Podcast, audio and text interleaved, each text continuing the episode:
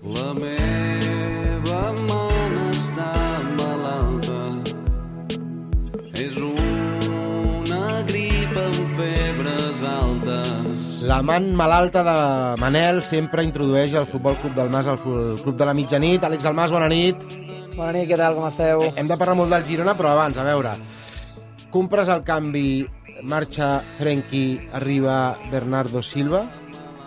Clar, és que la dada de l'Oriol m'ha deixat aquí sense arguments, eh? Jo personalment no, però per al Barça de Xavi crec que, crec que Xavi sí que ho preferiria. Sí. Una, una cosa, Xavi, però és més fàcil que marxi de Jong que que arribi Bernardo Silva, no? Que el deixi Ara marxar al City, pregunto, no? jo. Suposo que sí, que no, no deu ser fàcil que el City eh, el deixi anar. Guardiola dilluns a Pula, Uri, va dir que en, en el Legends, que també va organitzar i que va acabar guanyant eh, Bogosian, eh, va dir que, que no, no, ho veia difícil, eh, això de canviar eh, d'equip per Bernardo Silva. Home, ho va dir perquè per ell és un jugador fonamental i perquè dubta que el Barça pugui pagar el que el City arribaria a demanar per ell.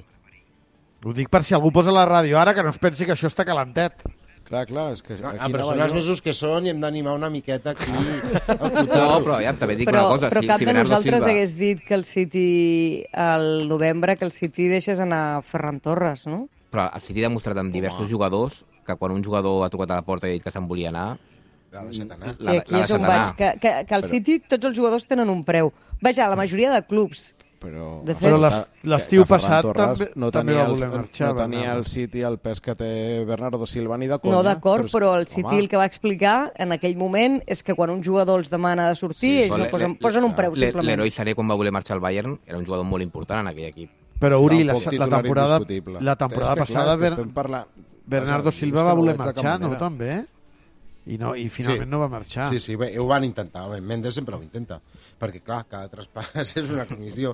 I aquí, doncs, vaja. Àlex, eh, ha seguit també l'Espanya República Txeca i t'hi has fixat en Marcos Alonso, que sabeu que també és un dels candidats a arribar al Barça i té la intenció de deixar el Chelsea per eh, motius futbolístics i motius eh, personals.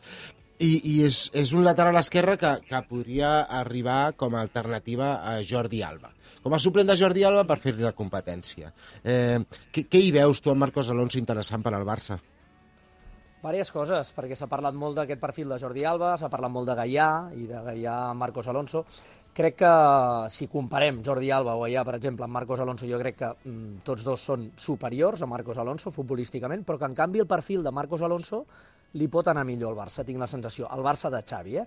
És un, és un lateral eh, que és molt intel·ligent des del punt de vista posicional, que et dona molta estabilitat, que et permet tancar amb línia de 3 i que t'invadeix menys la banda. Per tant, si imaginem un Barça, eh, la hipòtesi de que un Barça amb Lewandowski, un Barça on Ansu ha de partir de l'esquerra i un Barça on Pedri ha d'ocupar el perfil d'interior esquerra, un lateral que sigui més conservador, que tingui aquest perfil posicional i que doni més espai i més seguretat els que probablement seran els teus dos jugadors més desequilibrants, o han de ser-ho, eh, crec que li pot funcionar més bé el Barça. Eh? Que ningú no es pensi que Marcos Alonso eh, està fet, però sí que és una alternativa i que el Barça està treballant perquè eh, la intenció és, si es pot, fitxar també un lateral a l'esquerra. I, vaja, eh, tornant a, a, al tema de Bernardo Silva, eh, si Jorge Méndez ve aquí a Barcelona a sopar, té molts temes, però ve a, a enfilar un tema important. No, no agafa el, el vol privat i perd unes hores per, per parlar de jugadors que no li suposen eh, una bona operació. Però vaja, ja, ja veurem què passa. Uh, uh, ara anirem a Girona, saludarem a, a l'Eduard Solà, que ja ens hi espera. El Girona ha jugat diumenge vinent. A aquesta hora ja sabrem segurament si el Girona és equip de primera o, o continua a la segona i torna a perdre la final del, del playoff. I empat a zero a Montilivi, Àlex, i va ser-hi, eh? Sí, sí, vaig ser-hi. Com, com ho veus tu? Continuo sent optimista. Ho era una miqueta més la setmana passada, perquè jo, jo confiava en un resultat positiu ahir, però, però vaja, són partits que es decideixen més amb el cap que amb el futbol i tinc la sensació que el Girona ha d'acabar sortint bé aquest any. Què, què hauria de canviar el Girona respecte al partit d'ahir per fer-li mal de debò al Tenerife? Sí, ahir vam veure un, un Tenerife que és el que és, no? un, un, un equip molt ordenat defensivament i a, a, primer de tot cal dir que, que aquest tipus de partits, qualsevol que hagi jugat un play-off, uh, sigui la categoria que sigui jugat, són, són molt difícils.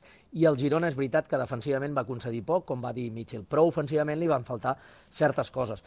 Primer, jo et diria que tres. La primera d'elles és que no va tenir profunditat, és a dir, el fet de jugar amb Estuani dalt i amb els dos carrils que van estar poc profuns no, no hi van haver ruptures i, per tant, eh, l'opció de començar amb Nahuel jo crec que, que pot estar pot ser interessant, eh, de cara a la tornada. Mm -hmm. Des, òbviament, després li va, i en parlava Mitchell a la roda de premsa, no? desequilibri l'última part de camp, primer de tot perquè els carrilers, tant Arnau com Valeri, uh, no van, com us deia, no? no van fer aquesta profunditat, no van provar l'1 contra 1, i després perquè Baena i Ivan Martín, que són dos jugadors que a mi m'agraden molt, no van estar especialment encertats ahir.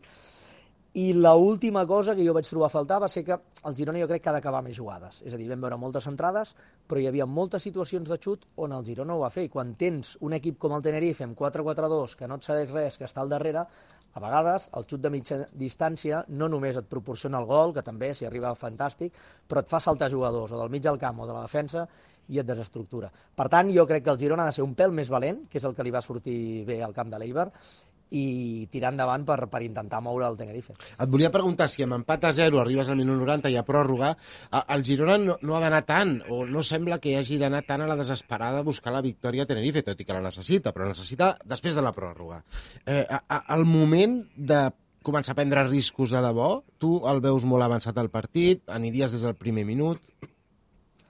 A mi és que em sembla que el Girona li surt més bé quan és actiu que, que, que quan no és. Eh? És veritat que has de ser molt fred i segurament si estàs patint en algun moment i no t'estàs trobant en sensacions has de ser conservador, però jo aniria a apretar des del, des del primer moment perquè eh, ja vam veure davant de l'Eibar que és que el Girona li surt millor així i si tu ets passiu davant d'un Tenerife que ja li va bé el resultat i que, com us deia, es troba còmode aquí, si no li planteges eh, constantment que es mogui, si no el mous, si no el sacseges, amb continuïtat és difícil uh, fer-lo patir.